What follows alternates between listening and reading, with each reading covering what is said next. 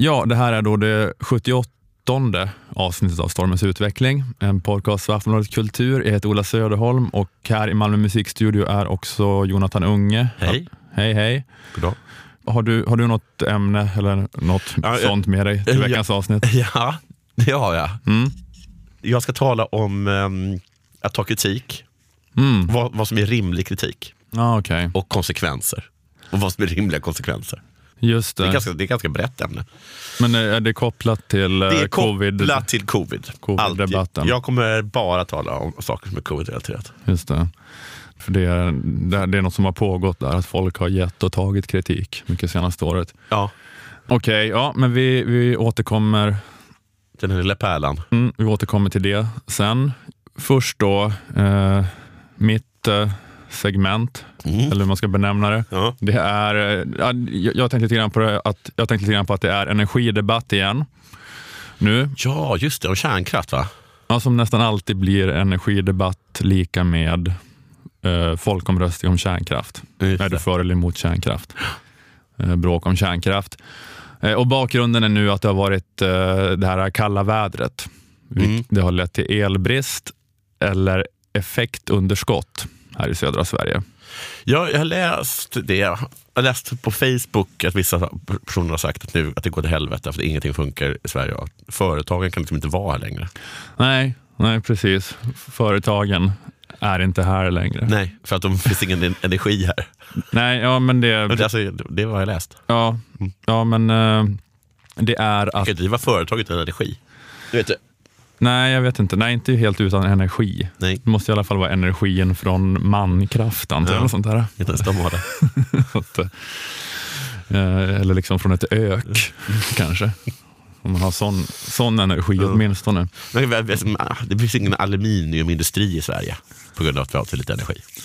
Det kan inte ha skett redan nu va? Nej. Att det var effektunderskott i, någon dag i Skåne. Så har, har, all, har all aluminiumindustri gett upp direkt. Kan, du- kan, du- pack. kan, du- kan, du ge- kan, du ge oss, kan du ge oss en kvart och försöka fixa det här? Det är som Danmark. Aluminiumindustrin kräver ju extremt mycket energi. Det går åt jättemycket energi att göra aluminium. Mm. Och eh, precis, så det, det behövs massa energi och då har det då varit effektunderskott. Eh, när jag var i Berlin min första gång, Mm. då åkte jag en sån här bussresa. Alltså så här, sån här turistbuss som åker runt i stan så man får se allting viktigt. Mm. Och då passerade vi, så stannade de till och så sa han, titta nu till höger, och så tittade vi på en enormt ful byggnad. Och då sa de, det här är världens största byggnad i aluminium. Det kan du glömma att den hade kunnat byggas i Sverige. Nej, inte, inte som det ser ut Nej. nu i alla fall. Nej. Inte i alla fall under ett par veckor i februari. Då hade man fått pausa det bygget. Ja, det, hade. Eller kanske inte, det, det hade det varit vårt eh, Sag- La Sagrada Familia. Den här aluminiumbyggnaden som aldrig blev klar. Ja, just det. För det är den i Barcelona som, Ja, precis, som aldrig blev klar. som aldrig blir klar. Ja, just det. Mm. Men, eh, jo, men Nog då, griffat om aluminium. nog... det finns ingen avknapp på dig när det gäller det. När jag, säger, när jag säger hej och välkomna till Stormens utveckling, då är Jonathan bara så här, okej, nu avgår tåget till Riffberga. Jag, jag, Häng med, Jag, häng med eller stå kvar på perrongen som en idiot. jag stiger inte av, du får kasta av mig. Eh, Ja, ja, det finns ingen... Det, det, det, det är... eh, ja, men vad, jo, precis. Det är eh, att det har, det har varit det kalla vädret, vilket lett till elbrist eller effektunderskott här i södra Sverige och högre elpriser. Alltså det är inte så att det har varit slut el för Nej. någon någonstans i Skåne, men det har blivit högre priser här under någon vecka. Och det har krävts också då snäppet mer elimport från Tyskland och Polen. Okej. Deras eh, smutsiga brunkolsel Ah, ugh. har tänt våra lampor. Och, och den eh, alltså tändande gnistan till eh, debatten, alltså den här debatten har pågått eh, rätt mycket i ett år sedan de hoppade av energiöverenskommelsen, borgarna. De hoppade av den blocköverskridande energiöverenskommelsen. Men den senaste vändan nu, den här senaste veckan, tändande gnistan till den eh, senaste veckans debatt, skotten i Sarajevo, det var det här inslaget med en av SVTs, det var en av SVTs linslusreportrar Ja. som ville göra en grej om effektbristen där han var i bild så mycket som möjligt och höll på med en dammsugare. Ja, visst är det jobbigt när dammråttor samlas. Men det finns ju större problem. Klimatet till exempel. Och innan man sätter på dammsugaren kan man fundera över, måste man städa just de här dagarna när det är som kallast i Sverige? För det är då elen inte bara är som dyrast utan också som smutsigast.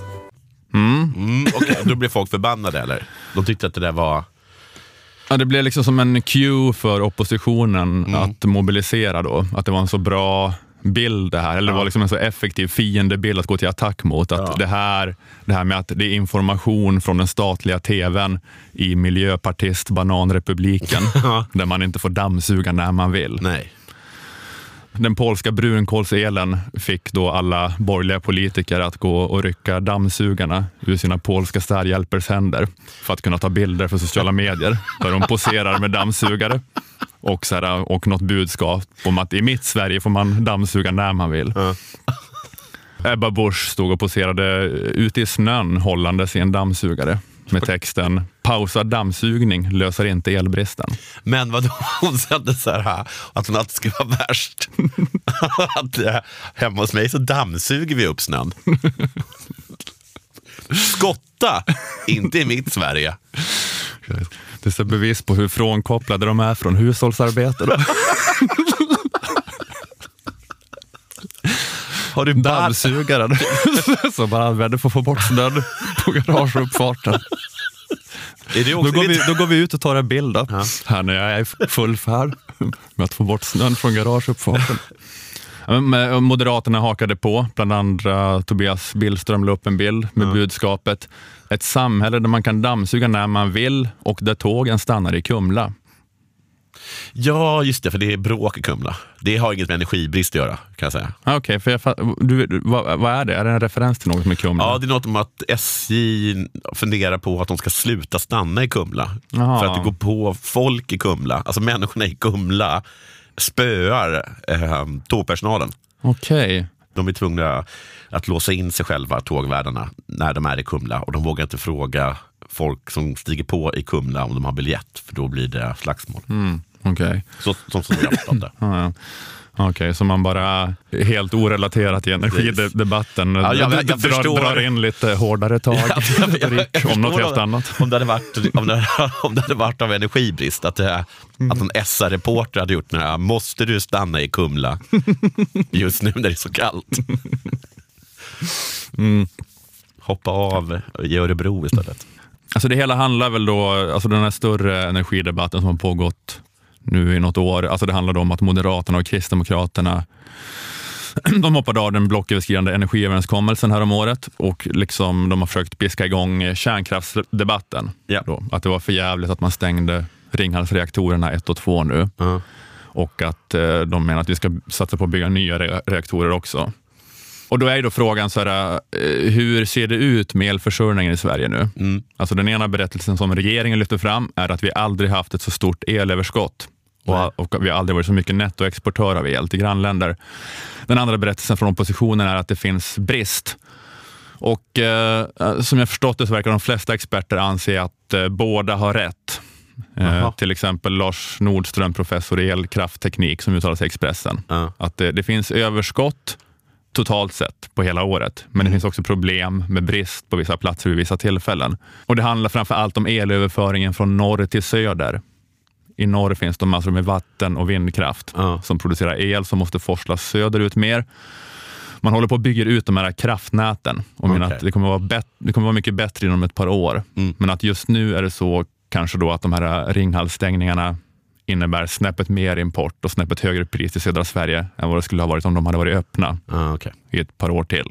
I alla fall högerblocket har fått ganska mycket kritik för sitt uh, ylande om kärnkraft. Ja. Att det bara är populistiskt och ogenomtänkt. Även Mikael Odenberg, som tidigare var Moderaternas energipolitiska talesperson, sa i en intervju i Svenska Dagbladet eh, citat, att idag bygga ny konventionell kärnkraft, det finns ju ingen normalt funtad människa som överväger det. Oh. Det blir för jävla dyrt helt enkelt. Ja. Det är sanningen. Debatten som pågår nu är bara populistisk. Slutcitat. Eh, Och det var också ett reportage om det här i Agenda i söndags, där det bland annat var en intervju med Fredrik Svertengren, eh, enhetschef på Energimyndigheten. Och han såg då framför sig att 2045 kommer vi framför allt ha en elproduktion i Sverige eh, som består av vattenkraft och vindkraft. Och han sa så här angående kärnkraft. Det kommer vara dyrt att ha kärnkraft eftersom den ska vara lönsam hela året. När det inte är en jättestor efterfrågan eller när det finns andra billigare produktionsslag. Så det gäller ju att få ihop kärnkraftskalkylen. Det är svårt att bygga ett kärnkraftverk som ska leverera en vecka om året. Så det är dyrare att investera i kärnkraft än, alltså om vi tänker 2045, då kommer vi ha ett högre elpris om vi har kärnkraft. Om nu, baserat på vad vi vet nu, ja det skulle jag säga.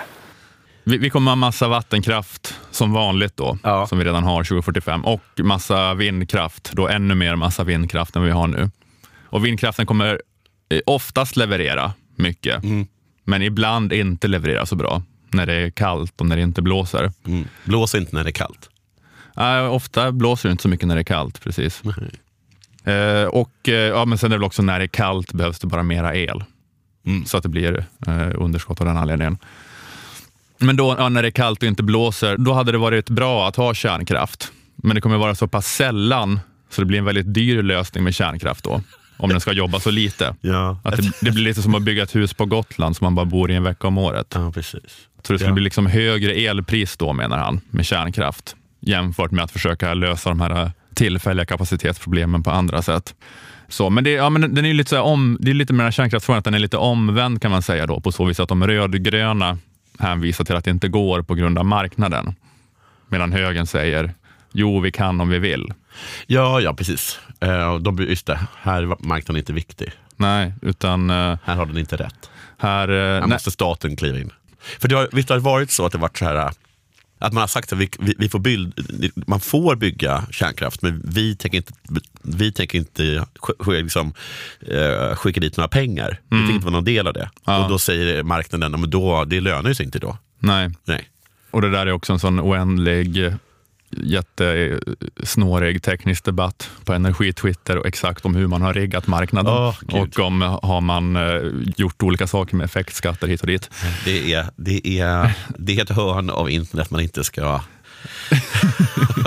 vandra för långt in i. Energitwitter. Nej, jag har varit ganska djupt inne i energi-Twitter. Om du stirrar för länge på energitwitter så stirrar energitwitter tillbaks.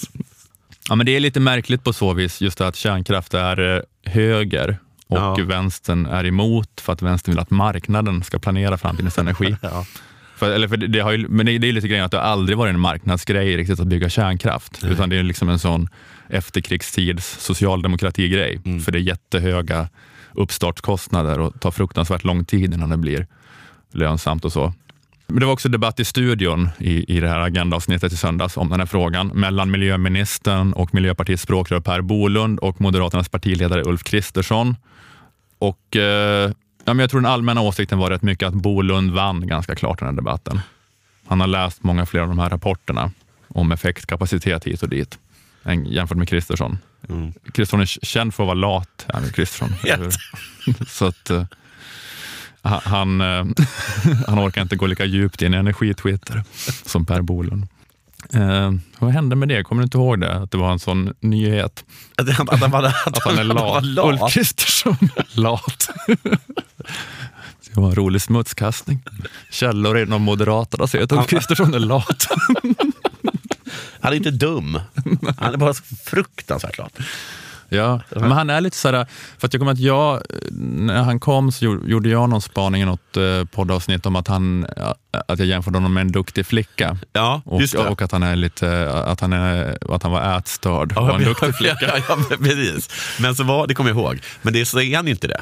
Nej, eh, Han han, är en, eh, en liten glidarpojke bara. ja, men, men det han kanske är, också, han kanske är den, den typen, för det är en slags kille som jag kan tänka att man kommer ihåg kanske från så här studietiden eller också från gymnasietiden att det fanns vissa killar som körde på den duktiga stilen. Ah, Okej, men som Så- inte var så duktig. Ja, så kanske på gymnasiet du vet, hade så här Ja. rock och portfölj Ja, och lite ja, ja, vattenkammat hår och Ja. bara gillade att ha någon sån uh, duktig, preppig, Ja, präktig stil. Och sen Och så så, var mycket snack om handel, sen så hamnade alla på, eh, på, på ekonomiprogrammet på universitetet istället. De hade ju inte riktigt, visade sig, betygen för Handels. Nej, men de hade bara hela stilen, så Ja. var det bara jättemediokra resultat. Mm. Men så var det som att de på något vis snackade runt det hela tiden. Värsta fall, man går, i värsta fall hamnar man på industriell ekonomi på KTH. Inte heller den kom de in på, kan jag säga. Nej, Utan det nej. blir ekonomiprogrammet. Nej, vad är det? Jag läste det i Göteborg. Ekonomin i Göteborg. Men i alla fall, Jag måste plugga nu. precis. de pratade hela tiden om att de, var, att nu, de, de skulle hem och plugga. Ja, Eller, och så satt de kvar. men, eh, ja, men det, De det, hängde mycket på vet, studentpalatset där vid, eh, vid Odenplan. Mhm, Men okej. det var, var mycket, mest socialt. Ja, just det. Mm. De, de, de bar runt på sina böcker hela tiden. Ja. De bar dem mycket. Man sig väldigt många böcker. Mm, mm. Mm.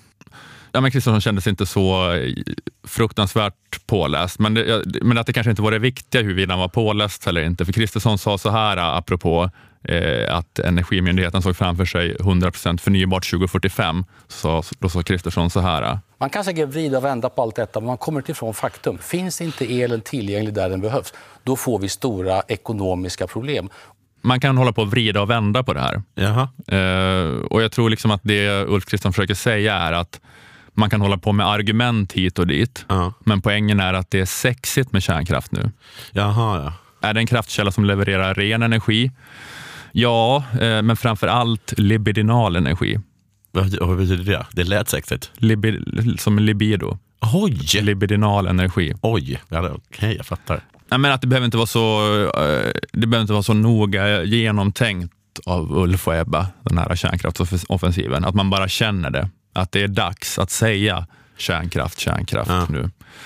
Att eh, man kan argumentera hitan och ditan, men också å, andra sidan också en bild på Ebba Busch där hon står och ser fierce ut Ja. med liksom dammsugarslangen som en, som en boaorm. Ja.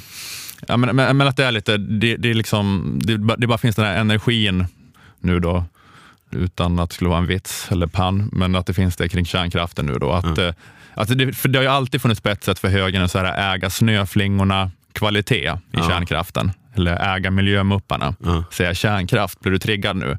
Men det är överhuvudtaget lite så nu att hela gröna diskursen, alltså också på vänstersidan, har växlat lite grann från någon så här äh, organisk eh, hippie, återgå till naturen, nedväxtgrej till att mer gå till någon slags techno-utopia. Hela automatisk lyxkommunism. Just det. Att eh, så här, kärnkraftssocialisterna är på frammarsch också. Så, att, eh, så det är liksom bara det är inte så, liksom, det är inte så genomtänkt. De har inte- så mycket konkreta förslag alls liksom, för hur kärnkraften ska byggas ut och vad de har tänkt sig. Men det är bara ett finger i luften. Liksom. Det är en känsla som finns i tiden. Men också då att, att det just handlar om att också då, vad ska man säga, miljövänstern eh, som har varit så här då, kärnkraftskritisk är också liksom på reträtt lite grann då. Också från vänster så att säga. Eh, att de eh, håller på så här och tappar lite grann, tappar sin position liksom. Ja, och man kan slänga, det där med, alltså att det med all den koldioxid som allt annat. Ja, ja men precis. Ja, precis. Kärnkraftsmotståndet han har ju liksom kraschat in i klimatfrågan lite grann. Eh, för, jag läste en artikel av eh, eh, Ted Nordhaus som har refererats ett par gånger tidigare i den här podden. Men han är grundare. Ja, du, ja, precis. Du kanske har hört det. Men, men han- publicerade en artikel här om veckan med rubriken On, an, on Anti-Nuclear Bullshit som handlade om aktivistiska forskare som producerar forskningsresultat med, med felaktiga påståenden för att framställa kärnkraften negativt. Okej. Att, han, att de har en så här ideologisk bias som gör att de inte kan acceptera den, den obekväma sanningen som är att kärnkraft är ett av de mer effektiva sätten att få ner utsläppen. Eh, Men, ja, men jag tänkte på att han skriver de här artiklarna om rötterna till kärnkraftsmotståndet. Att, eh, att kärnkraftens arvsynd var att den var plug and play med den industriella moderniteten. Den lovade ändlös energi eh, för ekonomiskt välstånd och en växande befolkning. Alltså att ja, kärnkraften var plug and play, även om man säger på svenska. Man säger det på svenska också kanske. Men att det var bara att koppla in och köra. Alltså du kopplar ur ett kolkraftverk och kopplar in ett kärnkraftverk och bara kör på exakt som förut. Ja, ja, ja. Det var enligt Ted Nordhaus då kärnkraftens eh, original sin utifrån miljörörelsens perspektiv. Att det gillar inte miljö, miljörörelsen. Ja, För de ville inte att det skulle, det var inte det de var ute efter. De ville inte att det skulle funka, Nej. eh, så att säga. Då. Eh, Att, ja, men för att det är en viktig del av rötterna i den gröna rörelsen. Att det handlar liksom inte bara om att lösa ett praktiskt problem som då försurning eller freonutsläpp eller senare klimatutsläpp, utan det handlar liksom om en så radikal civilisationskritik. Att det moderna industriella samhället är problemet i sig självt. Eh, och Det handlar kanske då i första hand om att man har en eh, annan vision om vad som är det goda livet. Att leva närmare naturen. De var le- mer unibomber allihopa. Ja, om man ska hårdra det precis. Så eh, Unabomban blir inte glad av att vi har uppfunnit ett kärnkraftverk istället för ett kolkraftverk. Nej. Det missar poängen. Ja, vi skulle inte få honom att sluta skicka rörbomber. Nej, men att man har den visionen om att eh, det goda livet är att leva närmare naturen, att leva mer decentraliserat i mindre samhällen och i mindre gemenskaper och bla bla bla. Och också kanske då att man menar att eh, även om det, det moderna industriella samhället kan lösa miljöproblem, lösa kriser som dyker upp, som då olika typer av försurning, sluta med DDT, sluta med bläck i bensin, sluta med freoner i vitvaror och kanske också sluta med koldioxidutsläpp. Det återstår att se då. Eh, Så, eh, så är det ändå inte bra med industriella moderniteten enligt den ideologin. Eh, Kanske framförallt som sagt för att den gör oss olyckliga, det är inte goda livet, men kanske också då för att det kommer aldrig sluta vara ett miljöproblem. Alltså även om det skulle gå att få ner klimatutsläppen kraftigt så kommer det alltid dyka upp nya saker hela tiden när vi lever så här artificiellt distanserat från jorden. Och Ja, vi, precis. Vi, Och den upprätthåller ju den här tillväxtekonomin. Ja, det löser det akuta problemet, de här olika lösningarna, men det är liksom bara att lappa och laga och vi spänner strängen mer och mer. Och eh, ju mer vi investerar oss i det skjuter vi upp det. Liksom. Vi- Vi skjuter upp vad som hela tiden blir en större och större katastrof, typ. Så kärnkraft är dåligt av den anledningen, för att det låter oss fortsätta med det här som gör oss olyckliga och som i längden är ohållbart, även- om vi kanske klarar nästa kris och nästa kris och nästa kris. Ja, men så grejen då, alltså, eh, alltså så utifrån det så är det liksom, alltså det som kritikerna av förnyelsebart säger om sol och vindkraft, att det inte är planerbart. Alltså det funkar när solen lyser och när vinden blåser, men det är inte garanterat att det funkar exakt när man vill, hur man vill.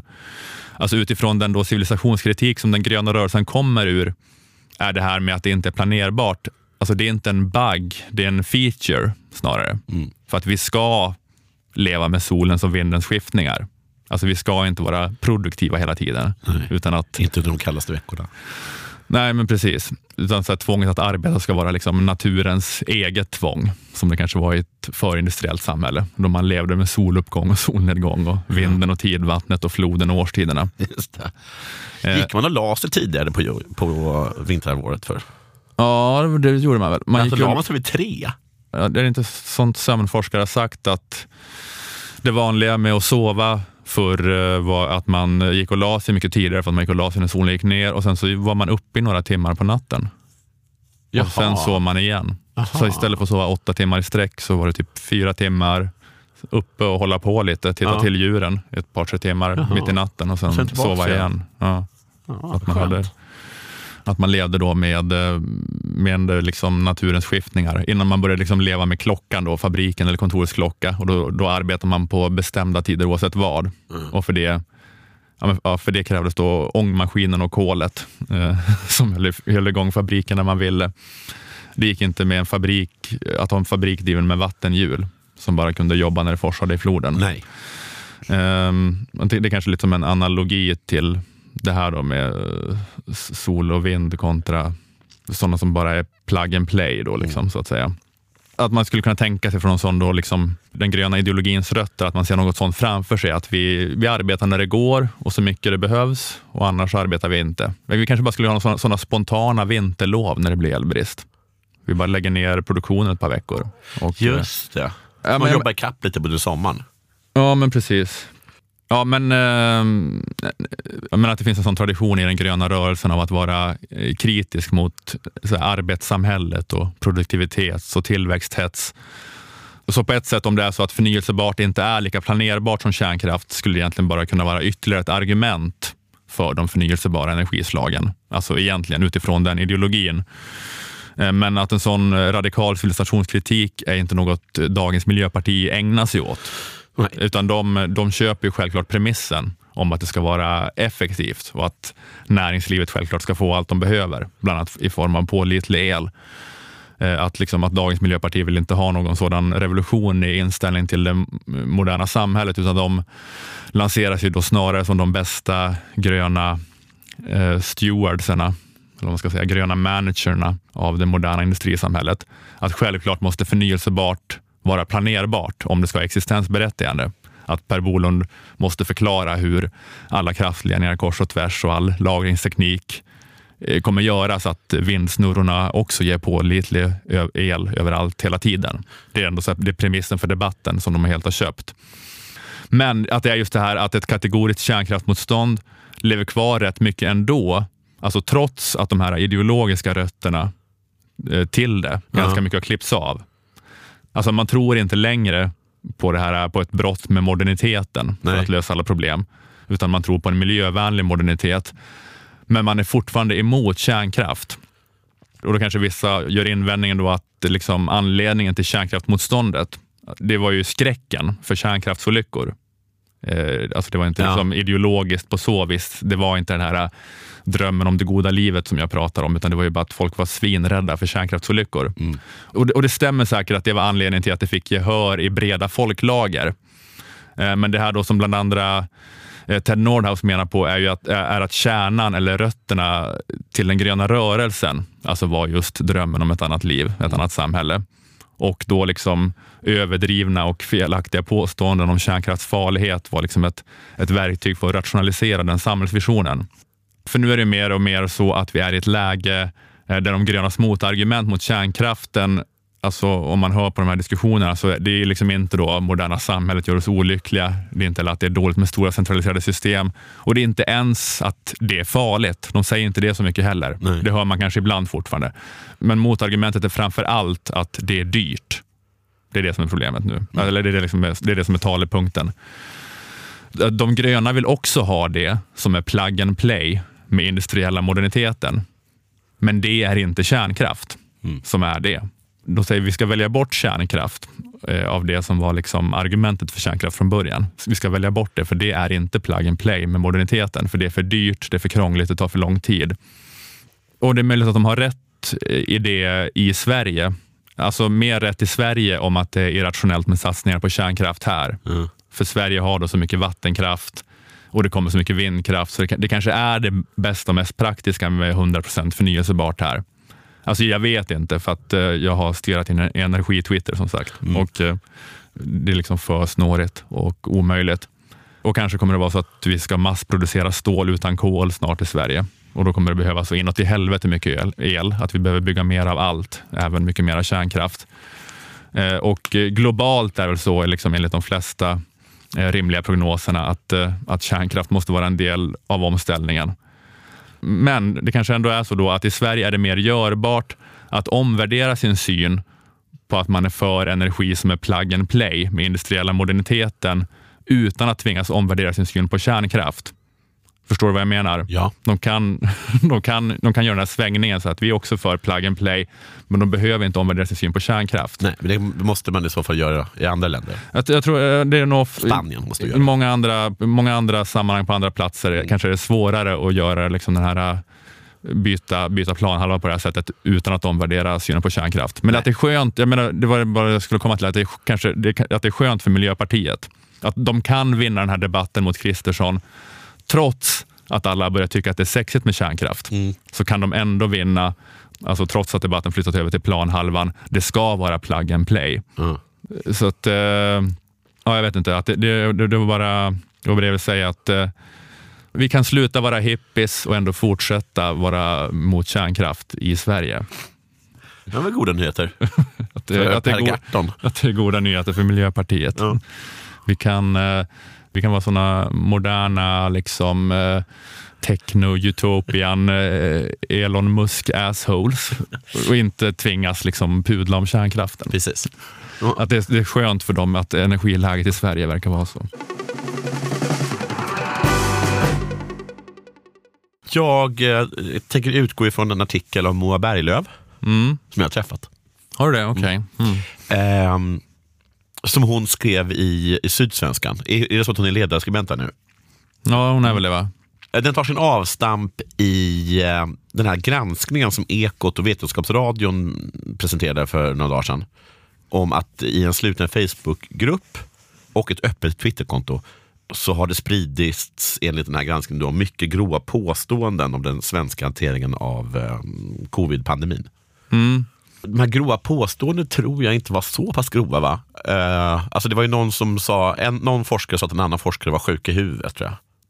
Det var den me- kanske mest grova. Var det inte också något om eh, att eh, alltså någon hade skrivit att man borde liksom ställa de ansvariga inför internationella brottmålsdomstolen i Haag? eller Var det där? För att hon berättade Okej. i en Ja, artikel inte också var om där, äh, äh, Läkartidningen berättade att Jonas F Ludvigsson, professor och barnläkare, att han nu slutar debattera samt forska om pandemin. För att hans misstag då var att han hade publicerat en studie som visade att förhållandevis få barn i Sverige blivit mycket svårt sjuka i covid förra våren, trots öppna skolor. Och då går det liksom, det faller inte de som menar att, äh, att hanteringen av pandemin var fullständigt åt helvete, det faller inte dem i smaken. Eller de håller inte med om det. Hade han av misstag publicerat? Eller? Nej, han publicerade en studie Ja. eh, om att ganska få barn i Sverige har blivit mycket sjuka i covid-19 Mm.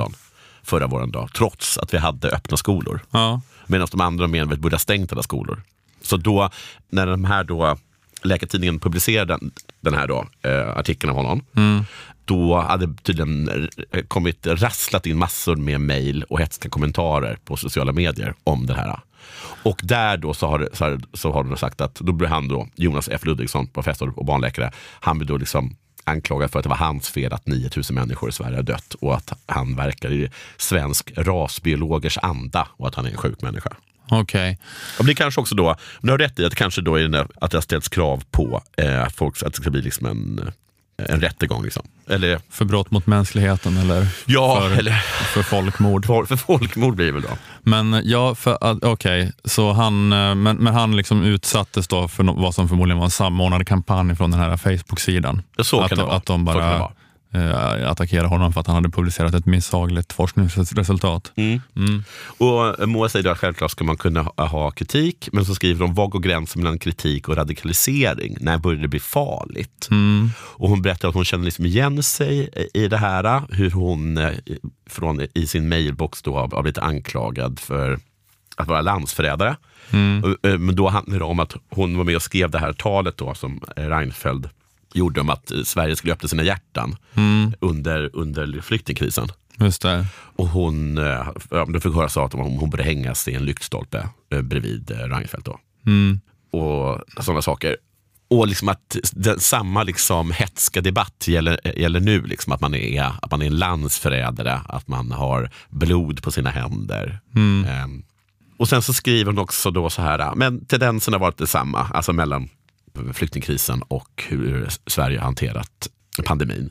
Det började i kritik, det slutade i krav på folkmordstribunaler och inlåsning av dem som inte ger vika. Och eh, grejen med den, även om jag förstår att hon vill liksom ta upp hur liksom, debattklimatet är, så bara just den här meningen då att det slutar i krav på folkmordstribunaler och inlåsning av de som ger vika. Själva grejen med den är ju... Som ger vika. ja, som inte ger vika. Som inte ger vika. Ja, det slutar i krav på folkmordstribunaler och inlåsning av de som inte ger vika. Ett problem med den, eh, som säkert är tillspetsad, det ska, det ska ju sägas, men det, att det gör det ju aldrig. Att det slutar Det aldrig med... slutar ju aldrig i folkmordstribunaler. Nej. Eller att folk blir inlåsta. Nej. I alla fall så tror jag att, det är ganska säker på att det inte gör det. Nej. Det har fan inte gjort under min livstid i, i Sverige. Alltså det, och eh, jag tror att just, det är väl just det som är problemet. Samtidigt då som det självklart är bra. Men att, det väl, för jag tror att den allmänna känslan är, när det kommer till sådana här saker, att i Sverige så ställs ingen till svars. Nej, just det. Precis. Det är aldrig någons fel. Nej, att det är självklart fel med folkmordstribunaler eh, och att eh, man låser in dem som inte ger vika. Men någon gång kanske man skulle göra det. Ja, precis. Vad det görs ju aldrig. I fall tror jag, det tror jag är den allmänna känslan. Att i Sverige ställs ingen till svars. Nej, Vi har en kommission om tsunamin eh, då, och då ställdes ingen till svars. nej. Då kan man fråga sig hur pass liksom, mycket någon ska ställas till svars för tsunamin. Men, men det blir ju ändå effekten. Att ingen blev ställd till svars. Och det, är som att det, det blir aldrig några konsekvenser. Man kan gå på vänsterhåll också. Varför det här med, med, ja, med låt oss säga Nya Karolinska. Det, kanske, det har väl kanske inte krävts någon folkmordstribunal där, mycket på grund av att det var ingen som dog. Men eh, Det är ju ett meme ändå lite grann med sett Irene Svenonius i fängelse. Ja, exakt. Och det är också det hon själv hon tar, nämner också det med Donald Sluck 'em up. Men det, den finns ju också på den andra sidan. Att det är aldrig någon som ställs till svars. Eh, nej, men och det precis. gör folk eh, tokiga. Alltså, Jag kan förstå att man kan, att, att eh, även när, när, alltså när det gäller sådana saker där det är, faktiskt är väldigt svårt att ställa någon till svars, så som tsunamin. Jag vet inte exakt vad det är någon ska göra åt den. Det var väl att vi reagerade så sent kanske på att skicka flyg. Alltså, någon, var- någon som hade jour hade, var inte riktigt någon som hade jour skickade inte flyg. Ja, Medan inte. italienarna skickade flyg. Ja. Någonting sånt har jag för mig att det var. Mhm. Jag vet- inte vad den personen som hade jour skulle göra. Men han skulle skicka flyg då till exempel. Men också liksom då med, med alla här eh, saker. Som den Nuon-affären, eller jag vet inte. Mm. Det, det är aldrig någon som ställs svars.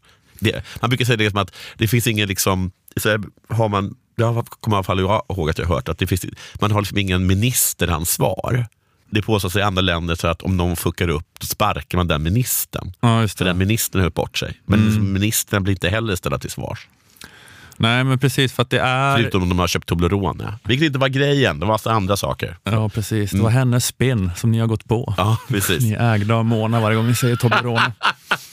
men eh, det är eh, ja, men det är väl kanske en grej just det där med eh, Ja, men inte vet jag, att Coronakommissionen kommer att säga vad som har begåtts fel och vad som har funkat dåligt i Ja. svensk äldrevård och så vidare. Men hängs någon? Och Kommer så- någon hängas? Alltså, ja, men så är det så här, ja, men ska Lena Hallengren ta ansvar, säger folk. Så här, du, och, och det är kanske att Ja, men förmodligen, det kanske ofta går att argumentera för att det är för trubbigt och konstigt att peka ut någon Ja. och sparka den. Ja. Att det är kanske inte någons fel, men det kanske är ändå bra att bara ha det som regel att sparka ministern för att då kanske ministrar skulle bete sig annorlunda om de visste att jag får skulden. Ja. Alltså framöver. Bara sparka Lena Hallengren nu. Under för, förnedrande former? Precis, även om det kanske inte är Nej. 100 procent rättfärdigt om man tar allt i beaktande och hur ansvaret är fördelat egentligen. Men då bara, vi bara pekar ut någon och säger att ja, men, nå- någon får gå. Och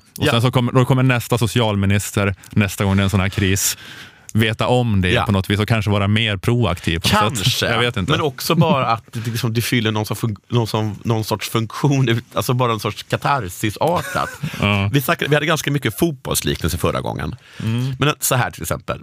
Eh, om Manchester United är riktigt dåligt, de, har- vilket de har varit nu ganska länge, då har man, då har man kickat tränaren. De är väl bra nu? Ja, nu är de bra då. Ja, skitsamma. Ja, de är bra nu. Eh, Liksom, Var det, vad heter han, Louis van Gaal, eller vad han heter, var det hans fel?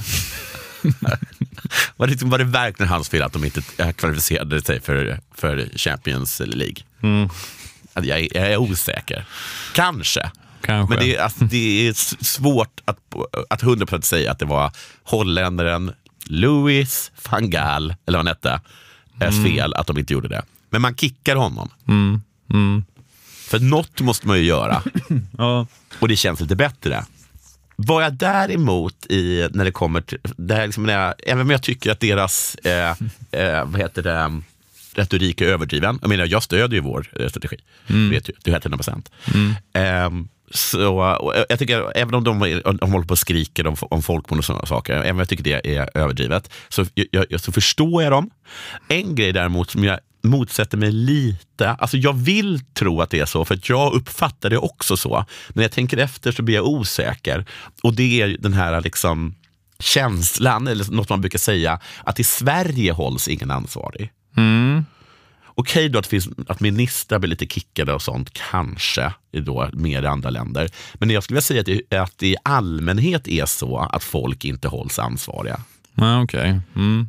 Jag kan inte riktigt komma på det finns säkert exempel på när folk har hållits ansvariga. Nürnbergrättegångarna är väl ett sånt exempel. exempel. Där har ju folk verkligen hållits ansvariga. Och li- lite personer har fällts i, i Haagtribunalen. Men i allmänhet tror jag att som regel så kommer människor med makt undan. Och när det kommer till såna här jättestora saker som är svåra att sätta fingret på så jag vet inte, kommer, kommer, folk i, men kommer någon i Brasilien hållas ansvarig? Kommer någon De hamnar ju alltid i fängelse för korruption, politiker Jo, i. Sydamerika. Jo precis, men inte, inte för covid, utan för att de har snott alla pengar. Ja, eller bara för att de har förlorat ett val. Ja, vi, det kanske vi, snarare... kan inte, vi, kan inte, ha- vi kan inte ha losers ute springandes på gatorna. Jag vet inte vem, kommer folk hållas ansvariga i, i Storbritannien? Nu har, ju- har ju de tyvärr gjort succé med sin, med sin vax, vaccinplan tydligen, läste jag. Men, eh, men kommer någon där hållas ansvarig? Svårt att tro det. Att de skulle Donald sparka Trump sina... hölls väl inte ansvarig? Eller liksom, vem är det ska, jag vet inte. Han, ja, han, ja, ja, han hölls väl ansvarig i valet. Ja, det förlorade valet. gjorde han i och för sig. Han blev inte fälld dock, ska sägas. Eh, Nej, inte i riksrätten. Nej. Nej. Så jag, jag vill bara säga att jag tror ju också att det är så att Sverige är extra dåliga på att hålla folk ansvariga. Men jag vill bara som, som regel tror jag att folk kommer undan eller att det helt enkelt är svårt att hålla någon ansvarig. Så frågan är lite vad man ska göra åt det. Alltså om det nu är, man kan, man kan göra så att man en, en sån grej är, precis som du sa, att man helt enkelt bara får då och då får sparka, vilket jag tror kanske kan vara bra, en minister under ganska så rejält förnedrande former. Och då verkligen sparka, inte, då får de också inte sköta en utredning sen. En annan grej, alltså annat sätt att gå tillbaka, om det nu inte är så att vi ska ha liksom den här folkmordstribunalen då, som, det är ju att, att det får bli någon sorts sanningskommission. Det är väl det som coronakommissionen ska göra då. Men den tror jag faller på två sätt. För det första så, av två anledningar. För det första så måste de som hålls ansvariga, de måste be om förlåtelse. Ja, Någon måste ta på sig det. ja okej. Och det, Det tror inte kommer, någon kommer vilja göra. det kommer ingen göra. Och dessutom så måste man hitta någon på liksom de som skriker om folkmordstribunaler som är lika snäll och härlig som Desmond Tutu. Som ska hålla i det liksom. Nej. Och vara, mm, Jag förstår Moa, men jag tycker att han har fel i det här att det, att det alltid leder till folkmordstribunaler och till att folk eh, hålls inlåsta för att de väger ge vika. För det händer ju aldrig. Och det är det som jag tror är lite av problemet. Så eh, kanske, kanske för att undvika eh, folkmordstribunaler och att folk som inte ger vika eh, låses in, så måste man någon gång då och då hålla en folkmordstribunal och låsa in någon. Är det där, lite det där fenomenet då man gillar att äh, fokusera på hatet man utsätts för snarare än den sakliga kritiken? Att äh, Ja, Lena. Hallengren kan säga jag tycker att det är orimligt att kräva att jag ska dömas i en folkmordstribunal. Ja, men, Men så- men men du du- kanske skulle Du, säga... du kanske, ja, men du kan hitta en som sa så, men Ja, alla, du de här som sa, säga- alla som sa att du skulle sparkas, då, vad säger du Ja, om dem? de, de har rätt. Det hade du. Det hade, ja, precis, du har rätt. Det blir ju... Att, eh, alla de som säger att folk ska hänga, eh, hängas i en lyktstolpe, det är de som gör att eh, folk som borde be om ursäkt kommer undan. Då säger vi så. Du har inget mer du vill tillägga? Eller? Du- Nej, du- jag är nöjd. Okej, vi säger tack så mycket till Aftonbladet Kultur och eh, ja, Stormens utveckling tillbaka om en vecka igen. Hej hej!